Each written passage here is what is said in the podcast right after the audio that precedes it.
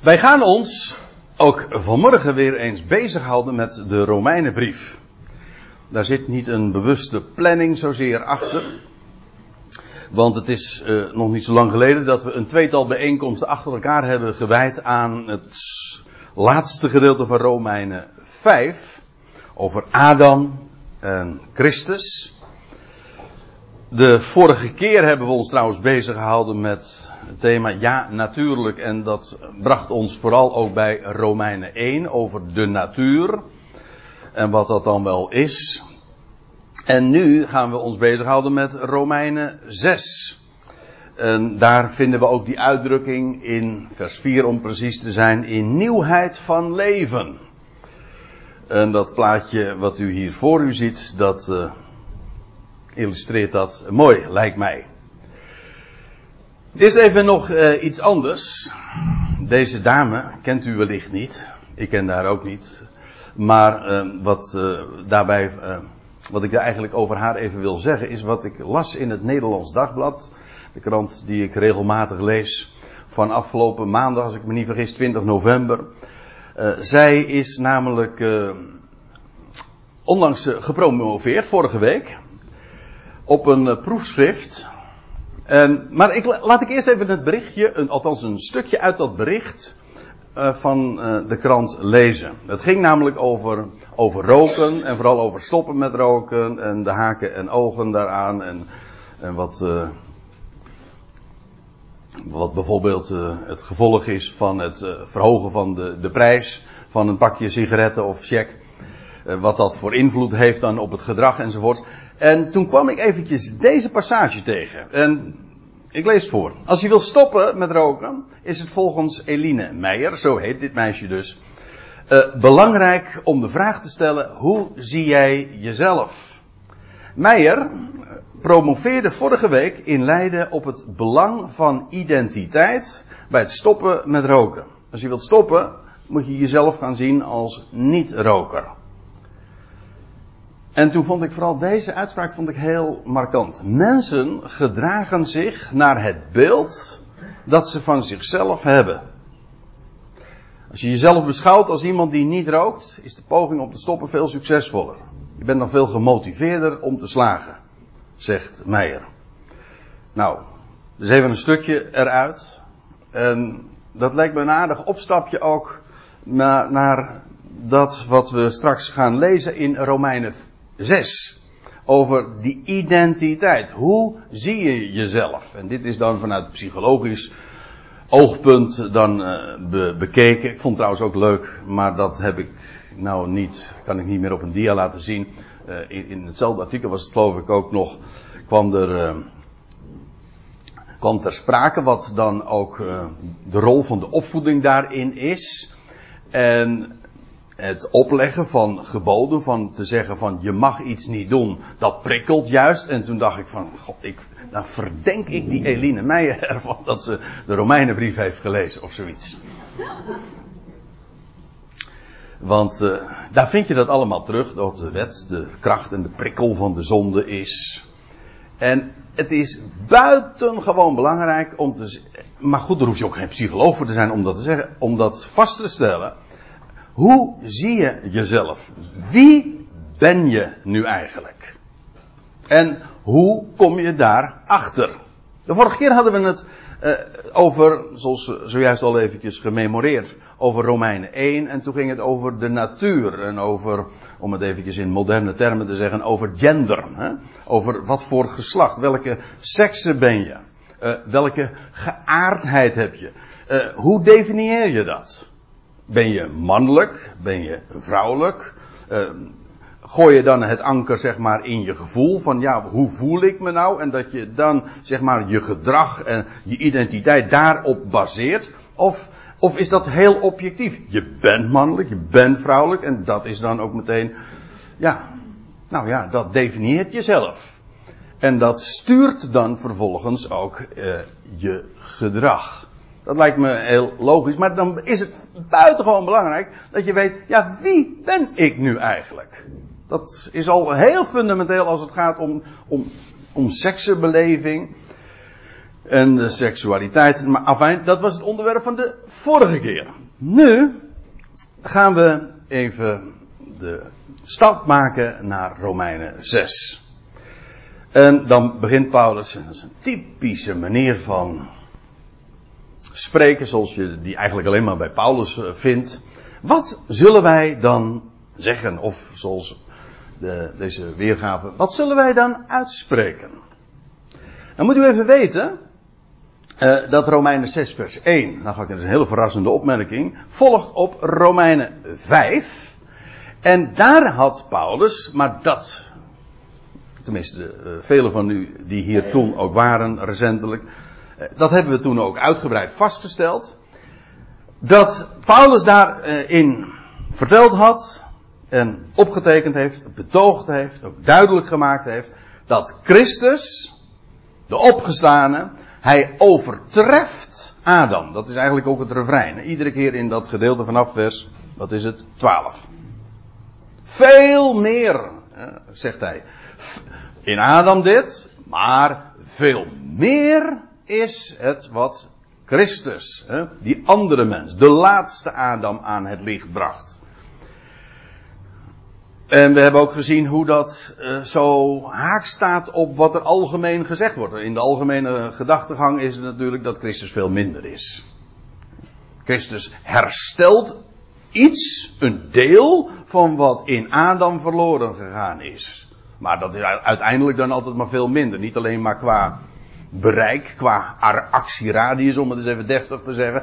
Nee, maar ook, uh, ja, hij maakt wel weer heel, maar Paulus zegt nee, wat we in Christus ontvangen heeft niet alleen maar uh, hetzelfde bereik, maar we krijgen in hem veel meer terug dan we ooit in Adam verloren hebben. Dat is dus met recht veel meer. Kijk, dat is nou, daar kom ik nou graag zondagsmorgens mijn bed vooruit. Hè?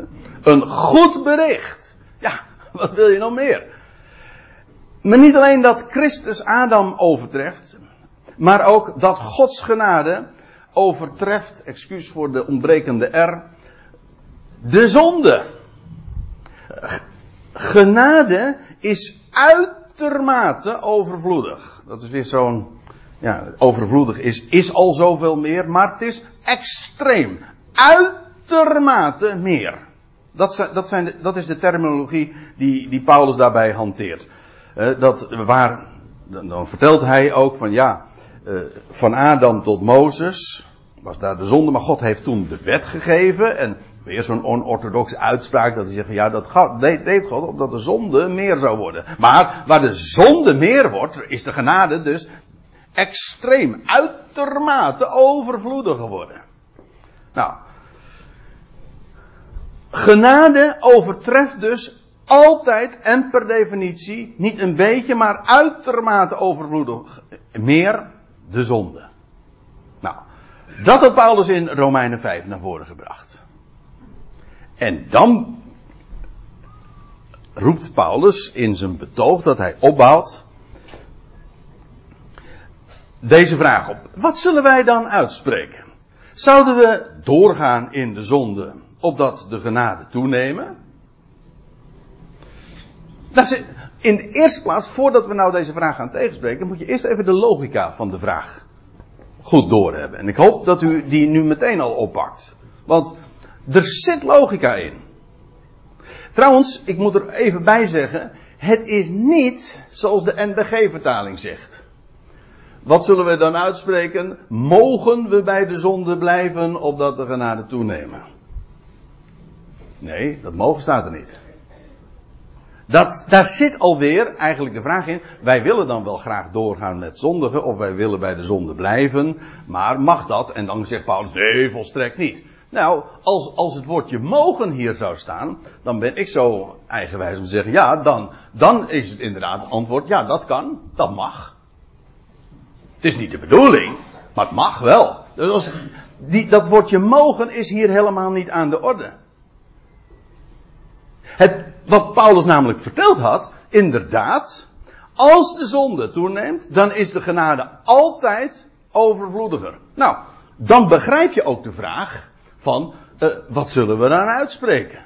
Dus, namelijk, eh, zouden we doorgaan in de zonde, opdat de genade alleen maar zou toenemen.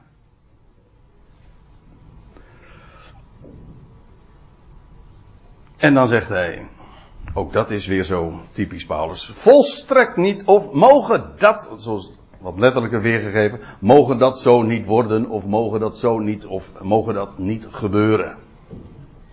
Zo. Uh, dat is totaal niet aan de orde. En het belang ervan, volgens van zijn motief van dit, die, moeten, die gaan we nou vanmorgen eens een keertje wat nader bezien. Wat zegt Paulus nu hierover? Kijk, je moet zich realiseren, het feit dat dit zo, dat dit zo pertinent door Paulus wordt afgewezen, dat is omdat zijn tegenstanders hen dit in de mond legden. U vindt dat al eerder in hoofdstuk 3, vers 8, dat je ook leest. Het is toch niet zoals men van ons lastert. Let op. Van ons lastert. En sommigen ons laten zeggen. Laten wij het kwade doen, opdat het goede eruit voortkomen. Kennelijk was dat de indruk die Paulus' prediking wekte. Als, ik, ik moet erbij zeggen, als men uit je boodschap de conclusie trekt van, ach, laten we het kwade doen, opdat het goede eruit voortkomen, of laten we bij de zonde blijven, opdat de genade toenemen, dan zit je in heel goed gezelschap. Als men, als sommigen, die er niks van hebben begrepen, die conclusie trekken. Ik wil het ook omkeren. Als men niet die conclusie trekt uit, uh, uit de boodschap, dan kun je wel eens een keertje achter je oren krabbelen van, vertel ik het wel precies zoals Paulus dat uh, heeft doorgegeven. Wat Paulus namelijk predikte was hoe extreem krachtig de genade is en hoe de, hoe God inderdaad uit het kwade het goede voortbrengt, zodat mensen, die het niet goed begrepen hebben, deze conclusie eruit trekken van, nou laten we dan maar bij de zonde, laten we doorgaan in de zonde, omdat de genade toenemen. Wat Paulus dan zegt is, en dat, eh, daarmee ontkent hij dus dat de conclusie die de mensen daar dan uittrekken, zouden we dan inderdaad in de zonde doorgaan. Want ja, de genade neemt dan alleen maar toe. Op zich is het namelijk waar. De genade neemt al, altijd toe, daar waar de zonde toeneemt. Dat had, nou, dat had Paulus toch juist in de voorgaande versen gezegd. Is dat de bedoeling? Nee, uiteraard niet. En dan, en nou komt de logica. Hoe zullen wij, die sterven aan de zonde, daarin nog leven? Ah, nu komt het grote punt. Dit moet je eigenlijk al hebben begrepen op basis van het voorgaande. Toen had Paulus het al kort aangestipt. En maar goed, hij gaat het nog veel uitgebreider toelichten. Hij zegt, hoe zullen wij die sterven aan de zonde daarin nog leven? Met andere woorden, wij zijn gestorven. Gestorven? Hoezo wij zijn gestorven? Nou, wacht even. Maar als dat zo is, dan zijn wij dus geen zondaren meer. Je was een zondaar, maar als je dan gestorven bent, ja, dan ben je geen zondaar meer. Ook dat zal nog later blijken. Dan ben je dus een ander geworden. Let op, zo ziet God dat. God rekent ons niet meer als zondaars.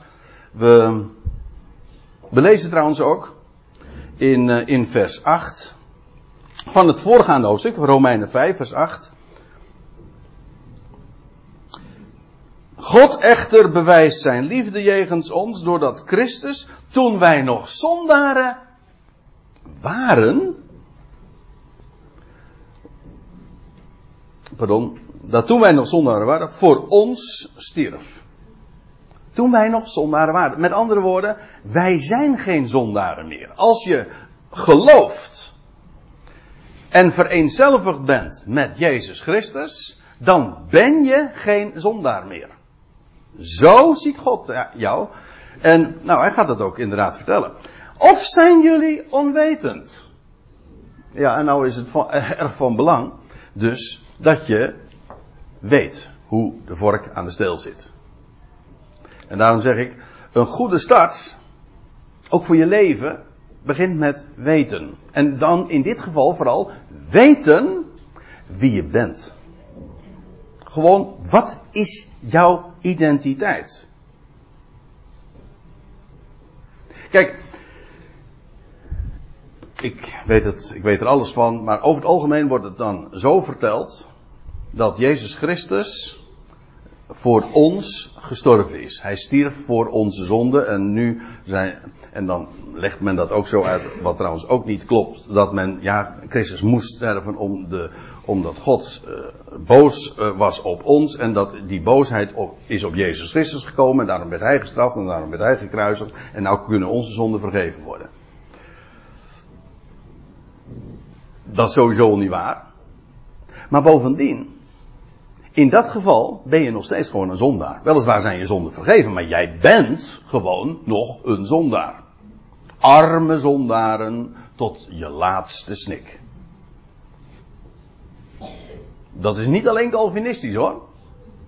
Nee, dat is gewoon het uh, algemene gedachtegoed in, in, uh, in het algemeen. Wat er verteld wordt vanaf, de, vanaf kansels. En dat betekent als je dat denkt, als je dat meent, als, je dat, als dat gepredikt wordt, dan, ja, dan begrijp je nog helemaal niets van, van de Romeinenbrief, om meer specifiek te zeggen. Dan heb je niets van Romeinen 6 begrepen. Want dan ben je nog steeds gewoon onwetend.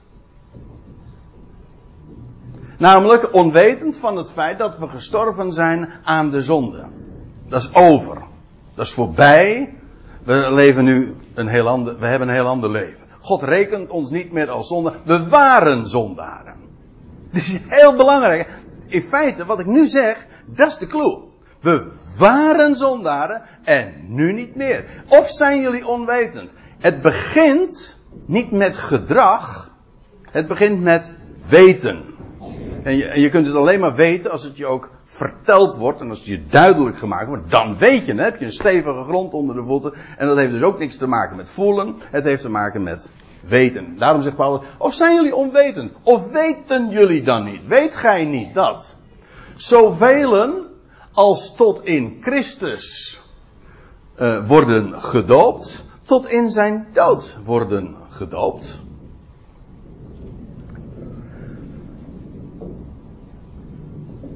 Ik geef toe. ja, dat lijkt wel oorlog hiernaast. Hè?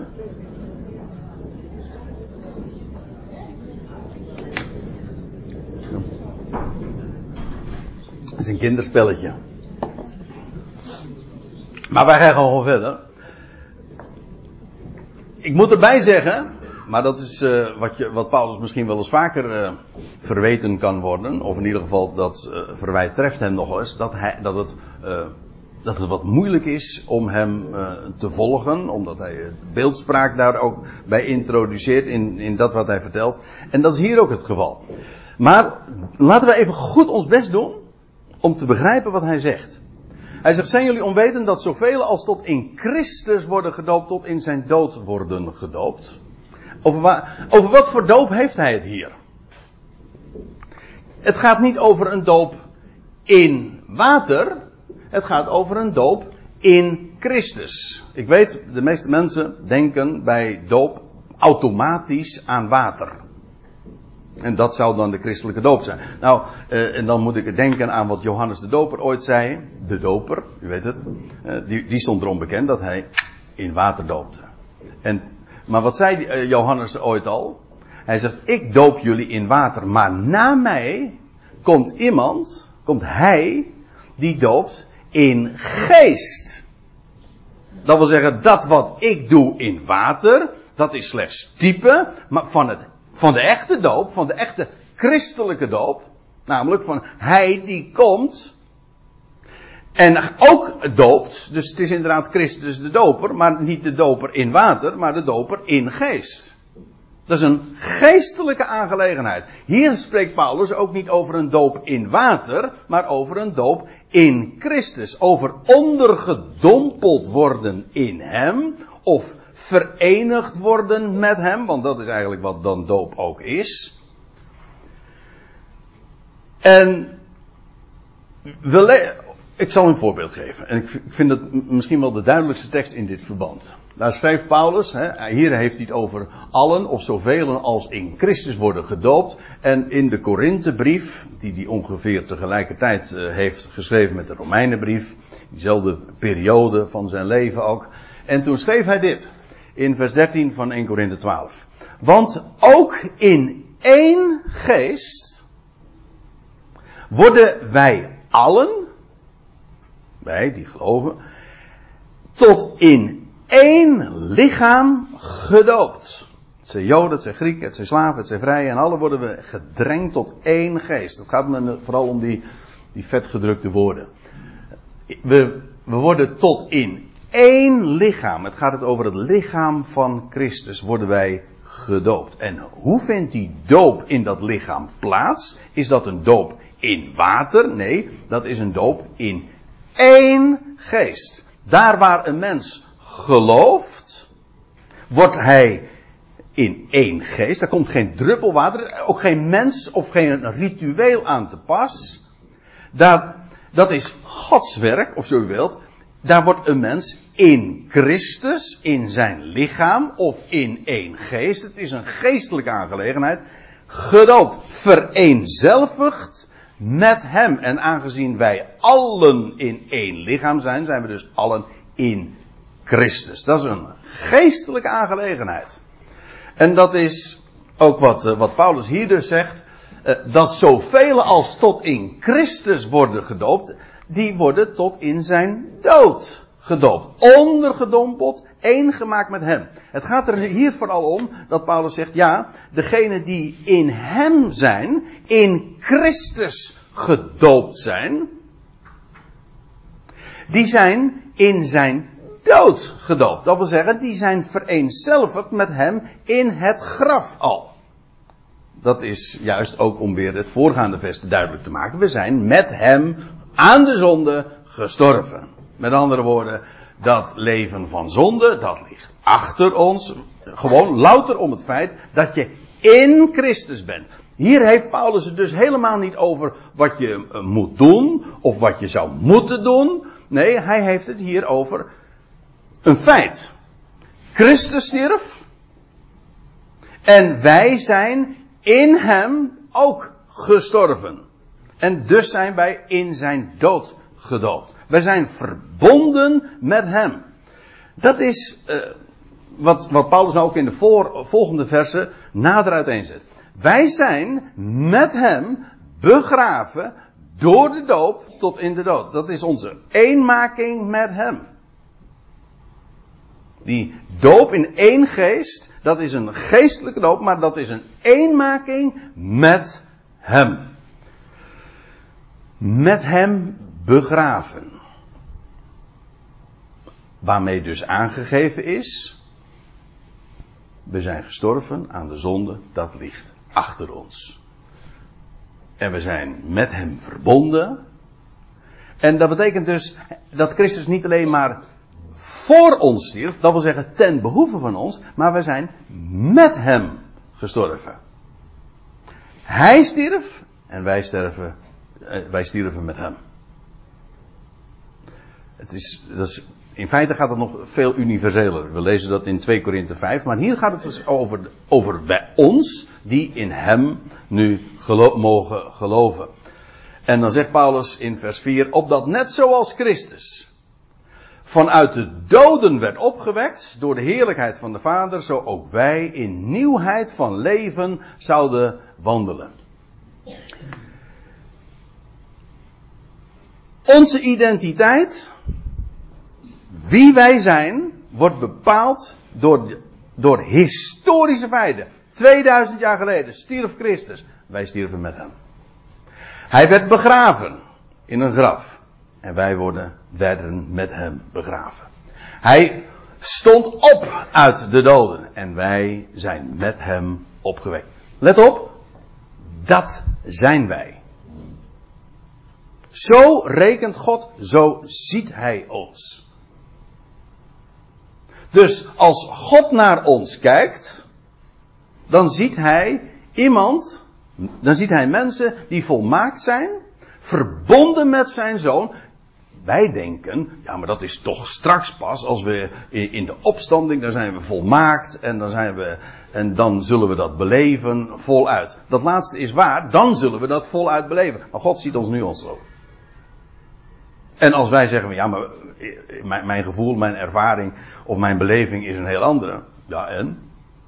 Daarom is het zo belangrijk te weten hoe God dat ziet. God ziet ons nu al zoals we straks daadwerkelijk in, naar het lichaam concreet zullen zijn. Zo ziet hij ons nu. En Paulus zegt dat is je identiteit. Dat ben je. Wij, moeten, wij, wij baseren onze identiteit vooral op onze, op onze persoonlijke ervaringen, dat wat we hebben gedaan. En als je dat nou maar lang genoeg gedaan hebt, dan, dan, dan vereenzelvig je, vereenzelvig je daarmee. Hè? Dan identificeer je met dat wat je uh, ooit gedaan hebt. Ik heb heel veel gerookt, dus ben ik er ook. Ik heb heel veel gedronken, dus ben ik een dronkaard. Weet je wel zo. Ik ben dat omdat ik dat gedaan heb. heb. Dat definieert mijn, mijn persoonlijk. Nee, zegt God. Uh, ik kijk niet naar jouw verleden. Ik kijk naar jouw toekomst. Dat ben jij. Een creatie in mijn zoon. Hij stierf voor jou en hij werd opgewekt en zo ben jij. Dat zal je niet, dat zul je niet alleen zo eh, zijn, zo ben jij nu al. Dat moet je weten. Reken zo. Dat is de hele clue van Romeinen 6. En Christus stierf. En we zijn dus, uh, en we zijn met hem verbonden.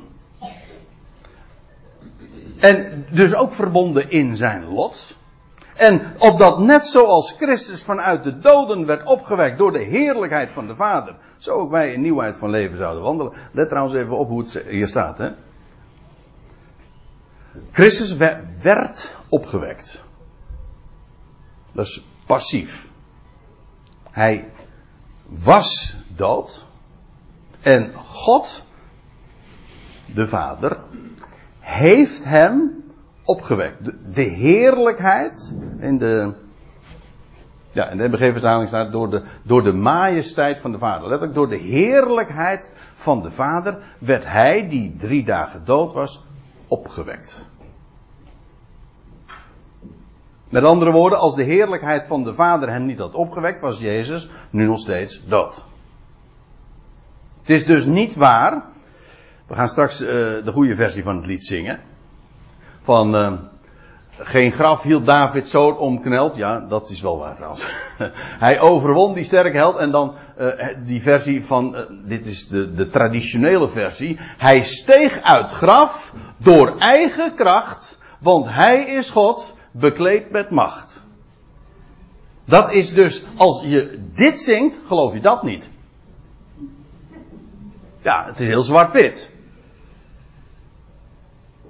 Ja, en dat is heel vitaal, want Paulus zegt in, trouwens dat is een paar hoofdstukken later, in Romeinen 10, hij zegt, indien je met je hart gelooft, nee, ja, indien je met je mond beleidt dat Jezus Heer, en met uw hart gelooft dat God hem uit de doden heeft opgewekt, zo word je gered. Dat wil zeggen, die, dat is de beleidenis waarin de redding plaatsvindt.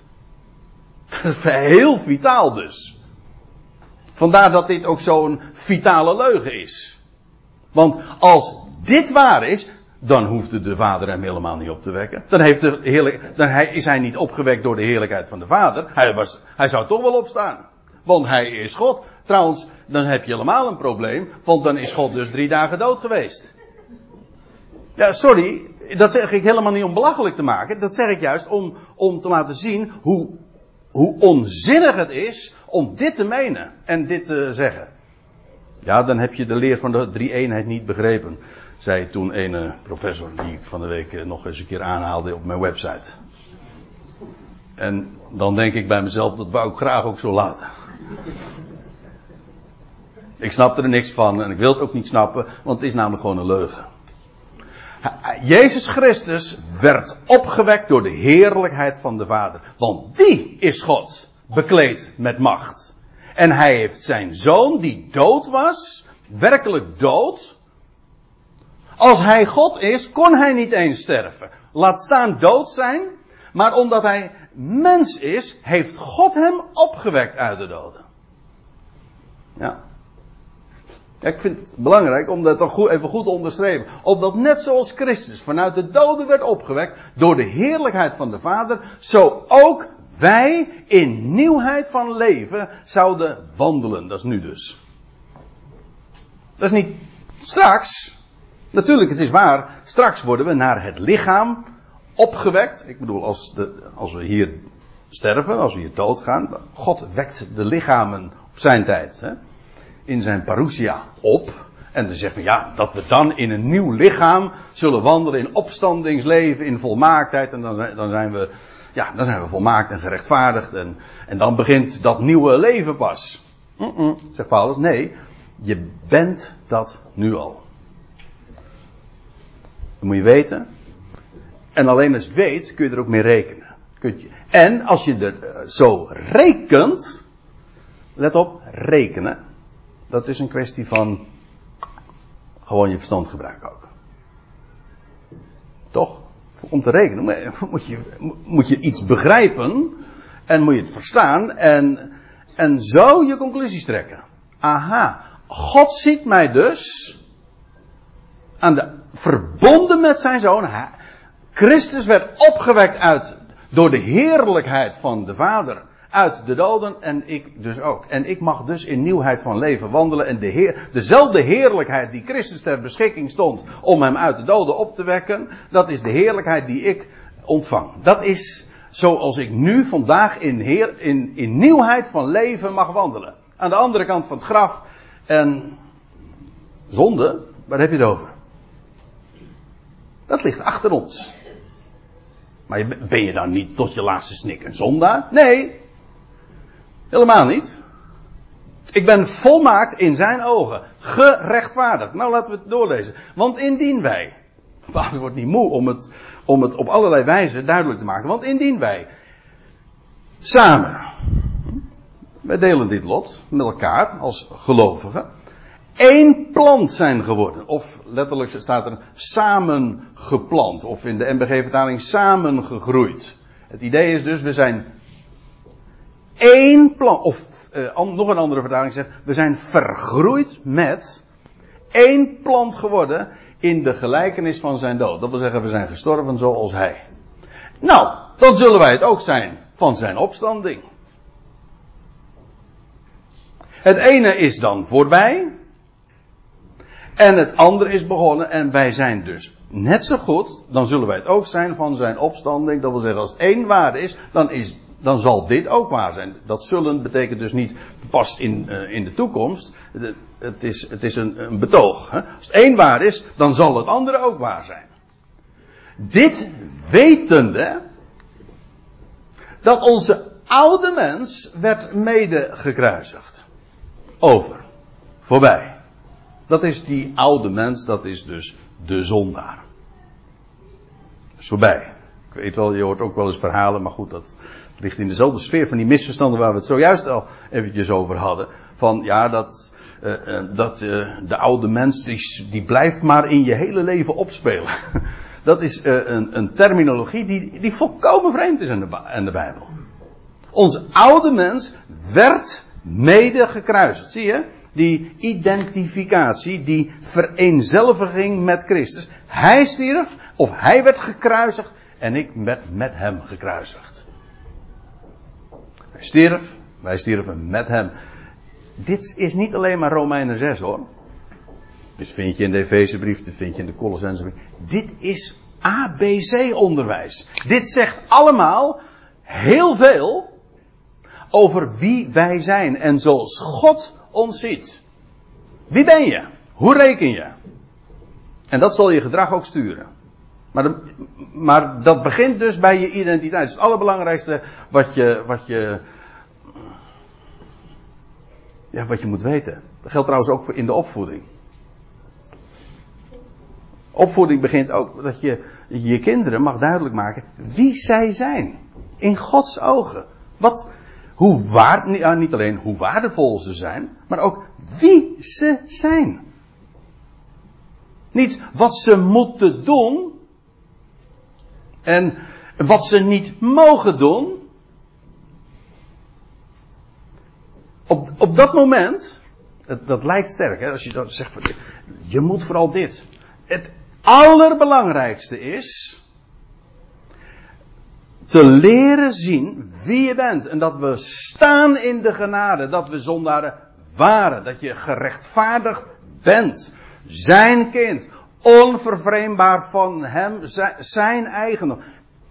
ABC, dat moet je weten. Als je het niet weet, dan kun je het niet zo leven ook. En als je het eenmaal weet, dan heb je die wet niet meer nodig. Dat kan ik u ook vertellen. Daar ben je ook weer mooi van, goedkoop vanaf, hè? Nee, dat is dan nogal logisch. kijk, die wet heb je, dat is trouwens, is vervolg.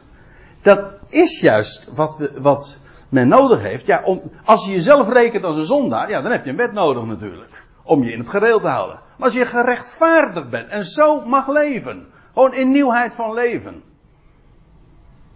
Dan is het helemaal niet meer aan de orde van dat mag niet. Dat is toch absurd? Als je, denkt u nou werkelijk dat als we straks, uh, even straks, in, in de opstanding, ik bedoel ook naar het lichaam, dat we dan nog een wet nodig hebben? Die ons vertelt wat we moeten doen en niet? Ik weet, ik ben ervan overtuigd dat iedereen zegt, nee, dan niet meer. Aha. Dus in, de, in nieuwheid van leven dus, in de opstanding is dat inderdaad niet meer aan de orde. Nee, dat is duidelijk. Oké, nou, dat is nu juist een heel bepaald. Dat, dat die nieuwheid van leven, dat is niet iets van de toekomst, dat is nu. Opdat we nu in nieuwheid van leven zouden wandelen. Dit wetende dat onze oude mens werd medegekruisigd. Opdat het lichaam van de zonde, dat wil zeggen het lichaam dat geregeerd wordt door de zonde, omdat een mens ook zichzelf als zondaar rekent, te niet gedaan zou worden en wij geen slaaf meer aan de zonde zouden zijn. Weet je hoe je een slaaf van de zonde bent? Dat begint al met het idee van ik ben een zondaar. Dan ben je een slaaf van de zonde. Dat kan je niet anders. Dan ben je namelijk.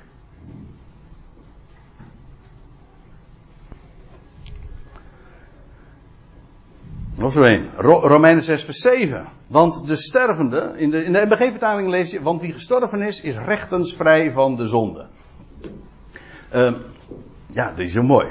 Als je gestorven bent, ja, dan ben je gerechtvaardigd hè, en rechtensvrij van de zonde. Ben je gerechtvaardigd van de zonde af. Dat van, uh, dat is eigenlijk vanaf. Hè? Dus vandaar ben je gerechtvaardigd van de zonde af. Ben je, dus wat Paulus zegt, als je dood bent, ja, dan is de zonde uh, voorbij. Daar ben je dan vanaf. Toch? Dat lijkt me logisch. Tegen de doden hoef je niet meer te zeggen van jij mag niet door het rode licht rijden. Hm? Dat doet hij namelijk niet. Dat, daar ben je namelijk daar vanaf. Nou. Maar, zegt Paulus dan, indien wij samen, indien, hè, uitgaande van het feit dat wij samen met Christus sterven, geloven wij ook dat wij samen met Hem zullen leven. Daar wij weten, hoe, hoeveel keer heb ik nu al gelezen over weten? Drie, vier keer, hè? deze paar versen. Daar wij weten dat Christus, opgewekt wordend vanuit de doden, niet meer sterft. Dat ligt achter hem. De, de dood is geen heer meer van hem. Of de dood voert geen heerschappij meer over hem. Hij leeft dus in de meest concrete, letterlijke zin van het woord. Ik zeg vaak, dat is leven met hoofdletters. Waarom? Omdat de dood achter je ligt. Helemaal. In onvergankelijkheid is hij opgewekt. Dus dat is. De dood is geen heer meer van hem. Want, staat er, wat betreft dat hij stierf aan de zonde ooit. stierf hij eens voor altijd. Maar wat zijn leven betreft, leeft hij voor de God. Nu. Nou, en nou komt de conclusie, vers 11. Zo, ook jullie. Reken jezelf inderdaad doden te zijn voor de zonde. Levende echter voor de God in Christus Jezus. Dit is de grote conclusie uit de tien voorgaande versen. En er zitten een paar sleutelwoorden in. En één daarvan heb ik inmiddels al een paar keer genoemd. En dat is deze. Reken jezelf. Ziet u dat Paulus tot dusver alleen maar gesproken heeft over historische feiten. Maar het bijzondere van die historische feiten. Het kruis. Het graf. Zijn opstanding ten derde dag. God wekte hem op. Die feiten, 2000 jaar geleden. Dat vertelt wie ik ben. Dat bepaalt niet alleen maar mijn toekomst, dat garandeert mijn toekomst. Zo ziet God mij. Volmaakt. En zoals Christus gestorven is voor de zonde eens voor altijd en dat ligt achter hem. Wel, en nu leeft hij voor God. Nou, zegt Paulus, zo ook jullie. Reken jezelf. Inderdaad, doden te zijn voor de zonde Levend echter voor God. Wij, wat we dus doen, is wij, wij strijden niet tegen de zonde. Hoe, hoe vaak heb ik dat niet gehoord? En als in feite zegt men, uh, ja, wat is, wat is een christen? Dat is iemand. Als, wat is christelijk leven? Is dat je je hele leven tot je laatste snik, want ja, zonde blijf je, uh, strijdt tegen die zonde. Dat lukt je niet hoor. Dat lukt je niet. Ja, je bent een zondaar. Maar dat is wel waar we toe geroepen zijn. Wat een geweldig bericht, hè? Of dit. Mensen, dat is. Het is een verschil tussen zwart en wit. Het is tussen dood en leven. Of je dit mag weten. En strijden tegen de zonde. Niet, wij strijden niet tegen de zonde. Wij negeren de zonde. Wij regeren over de zonde door ze te negeren. En negeren betekent niet dat je, als je, niemand is meer slaaf van de zonde. Dus een, geef toe dat ik het wat uh, krachtig zeg, maar dat doe ik expres. Om, om daarmee ook aan, uit te laten komen hoe, hoe zwart-wit het is. Nooit ben je meer een slaaf van de zonde dan wanneer je er tegen strijdt. En dat is echt waar. Ik weet, ik, weet dat er hier mensen in dit, in dit gezelschap zijn die dat eh, wel heel erg ook aan de lijve hebben ondervonden. En dat je altijd maar aan het strijden bent, aan het tobben bent. En je staat morgens al op. En eigenlijk al met lood in de schoenen. Heer, help me vandaag te strijden tegen de zonde. Weet je, in dat geval ben je dus nog steeds een zondaar. En aan het einde van de dag, Heer, het is weer niet gelukt. Het is weer niet gelukt. Wilt u het vergeven? En dan, dan, dan lijkt het misschien al wat, oh heer, ik dank u dat u het toch weer wilt vergeven. Maar de volgende dag sta, sta je weer op. Nou ja, opstaan, dat vind ik niet echt opstaan hoor. Nee, wij, dat vind ik juist zo mooi. Wij mogen dagelijks, je staat op. Ja, s'morgens. De nacht is voorbij en je staat op. Met het goede been, het goede been uit bed. Dat wil zeggen, in nieuwheid van leven. Dat is, dat is met het goede been in bed, uit bed stappen. In nieuwheid van leven een nieuw leven, een nieuwe dag. De, de nacht is voorbij. Ik ben gerechtvaardigd. En Gods heerlijkheid staat mij van, vandaag ter beschikking. Ik hoef niet te strijden tegen. Nou, nu zeg ik iets wat dus helemaal niet eens aan de orde is. Ik dank God inderdaad dat ik er helemaal niet tegen hoef te strijden. Maar je dankt God op voorhand dat de overwinning je deel is. Zelfs zonder te strijden. Dat is, dat is geen tobbe. Dat is op voorhand in de overwinning staan. Altijd, gewoon zo te rekenen. Ja, dat is, reken jezelf inderdaad doden te zijn voor de zonde. En wij leven onbekommerd voor God. En nou hoor ik sommige mensen denken, ja en dan? En, al, en als je dan gefaald hebt? En, en dan? Reken jezelf. Je negeert dat. Natuurlijk, ik begrijp in, eh, in de. In, maar dat is trouwens hier niet zozeer het onderwerp. Eh, het gaat hier echt heel duidelijk over, over het principe. En natuurlijk, als er dingen zijn die rechtgezet moeten worden met een ander mens, doe je dat. Punt. Om zo gauw mogelijk vervolgens weer in dat nieuwe leven. Hè, om, je, om je zo te rekenen, om zo te leven. Dat, dit is normaal christelijk leven, als ik het zo mag zeggen. Namelijk in christelijk in de zin van in Christus geplaatst zijn. En zegt Paulus dan in vers 12, laat dan de zonde niet langer heersen in jullie sterfelijk lichaam om aan zijn begeerte te gehoorzamen. Ja, wat is, wanneer laat je de zonde in je sterfelijk lichaam heersen?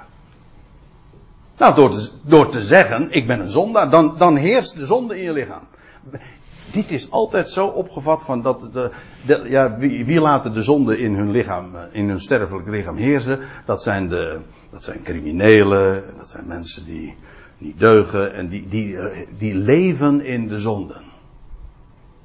Heb je er ooit aan gedacht? Dat heel veel christenen. Om niet, en zo wordt het verteld, zondag in, zondag uit. Dat je moet strijden tegen de zonde in, en dat je een zondaar blijft. In dat geval heerst de zonde nog steeds in je sterfelijk lichaam. En je wordt je.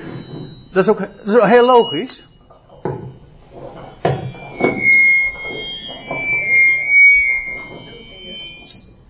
Ik dacht al, het mag niet verteld worden.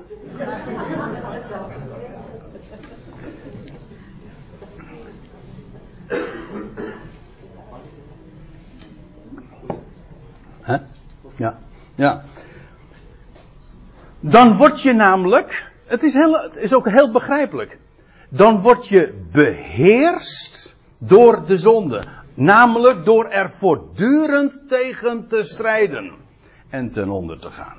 In, in feite zijn dat zelfs.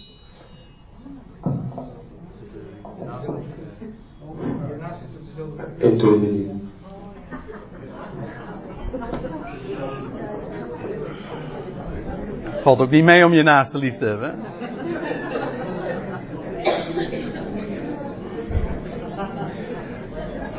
Ik weet niet of ik nu gewoon verder ga. Nou, waarom niet? Hè? Hard praten. In feite, als ik eventjes uh, nog uh, mijn, uh, mijn punt af mag maken. In feite is het zo dat degene die strijdt tegen de zonde, dat is degene die het meest jammerlijk beheerst wordt door de zonde. Heel tragisch. Heel vroom, dat is waar. En ook heel oprecht. Ik doe daar niks van af. Het hele punt is, het gaat er niet om dat die mensen niet, uh, niet goed hun best doen. Integendeel. Ik, uh, het verhaal is alleen, men weet niet wat Paulus zegt. Weten jullie dan niet? Nee, dat weten ze niet. Hoe komt het dat ze niet, het wordt ze niet verteld. Dit is maar makkelijk. He? Het, wedden, als, als, de, als, deze boodschap nou links en rechts nog eens een keertje de weg weet te vinden, dat is maar makkelijk. Ik krijg het altijd te horen, ik weet het, daarom kan ik dit voorspellen. Ik weet dat als ik deze dingen vertel, trouwens dat is altijd zo, is het goede berichtveld, dat is maar makkelijk. Dan zeg ik, nou prijs God, nou leef dan eens, leef dan gewoon zo. Dan zul je zien trouwens, dat het inderdaad een heerlijk, eenvoudig, bevrijd, onbekommerd leven is. Dat is waar. Van pure vreugde. Dat is waar. Er is één maar. En dat is, je wordt voortdurend tegengesproken. Dat kan niet. Dat is maar makkelijk. Dat wel.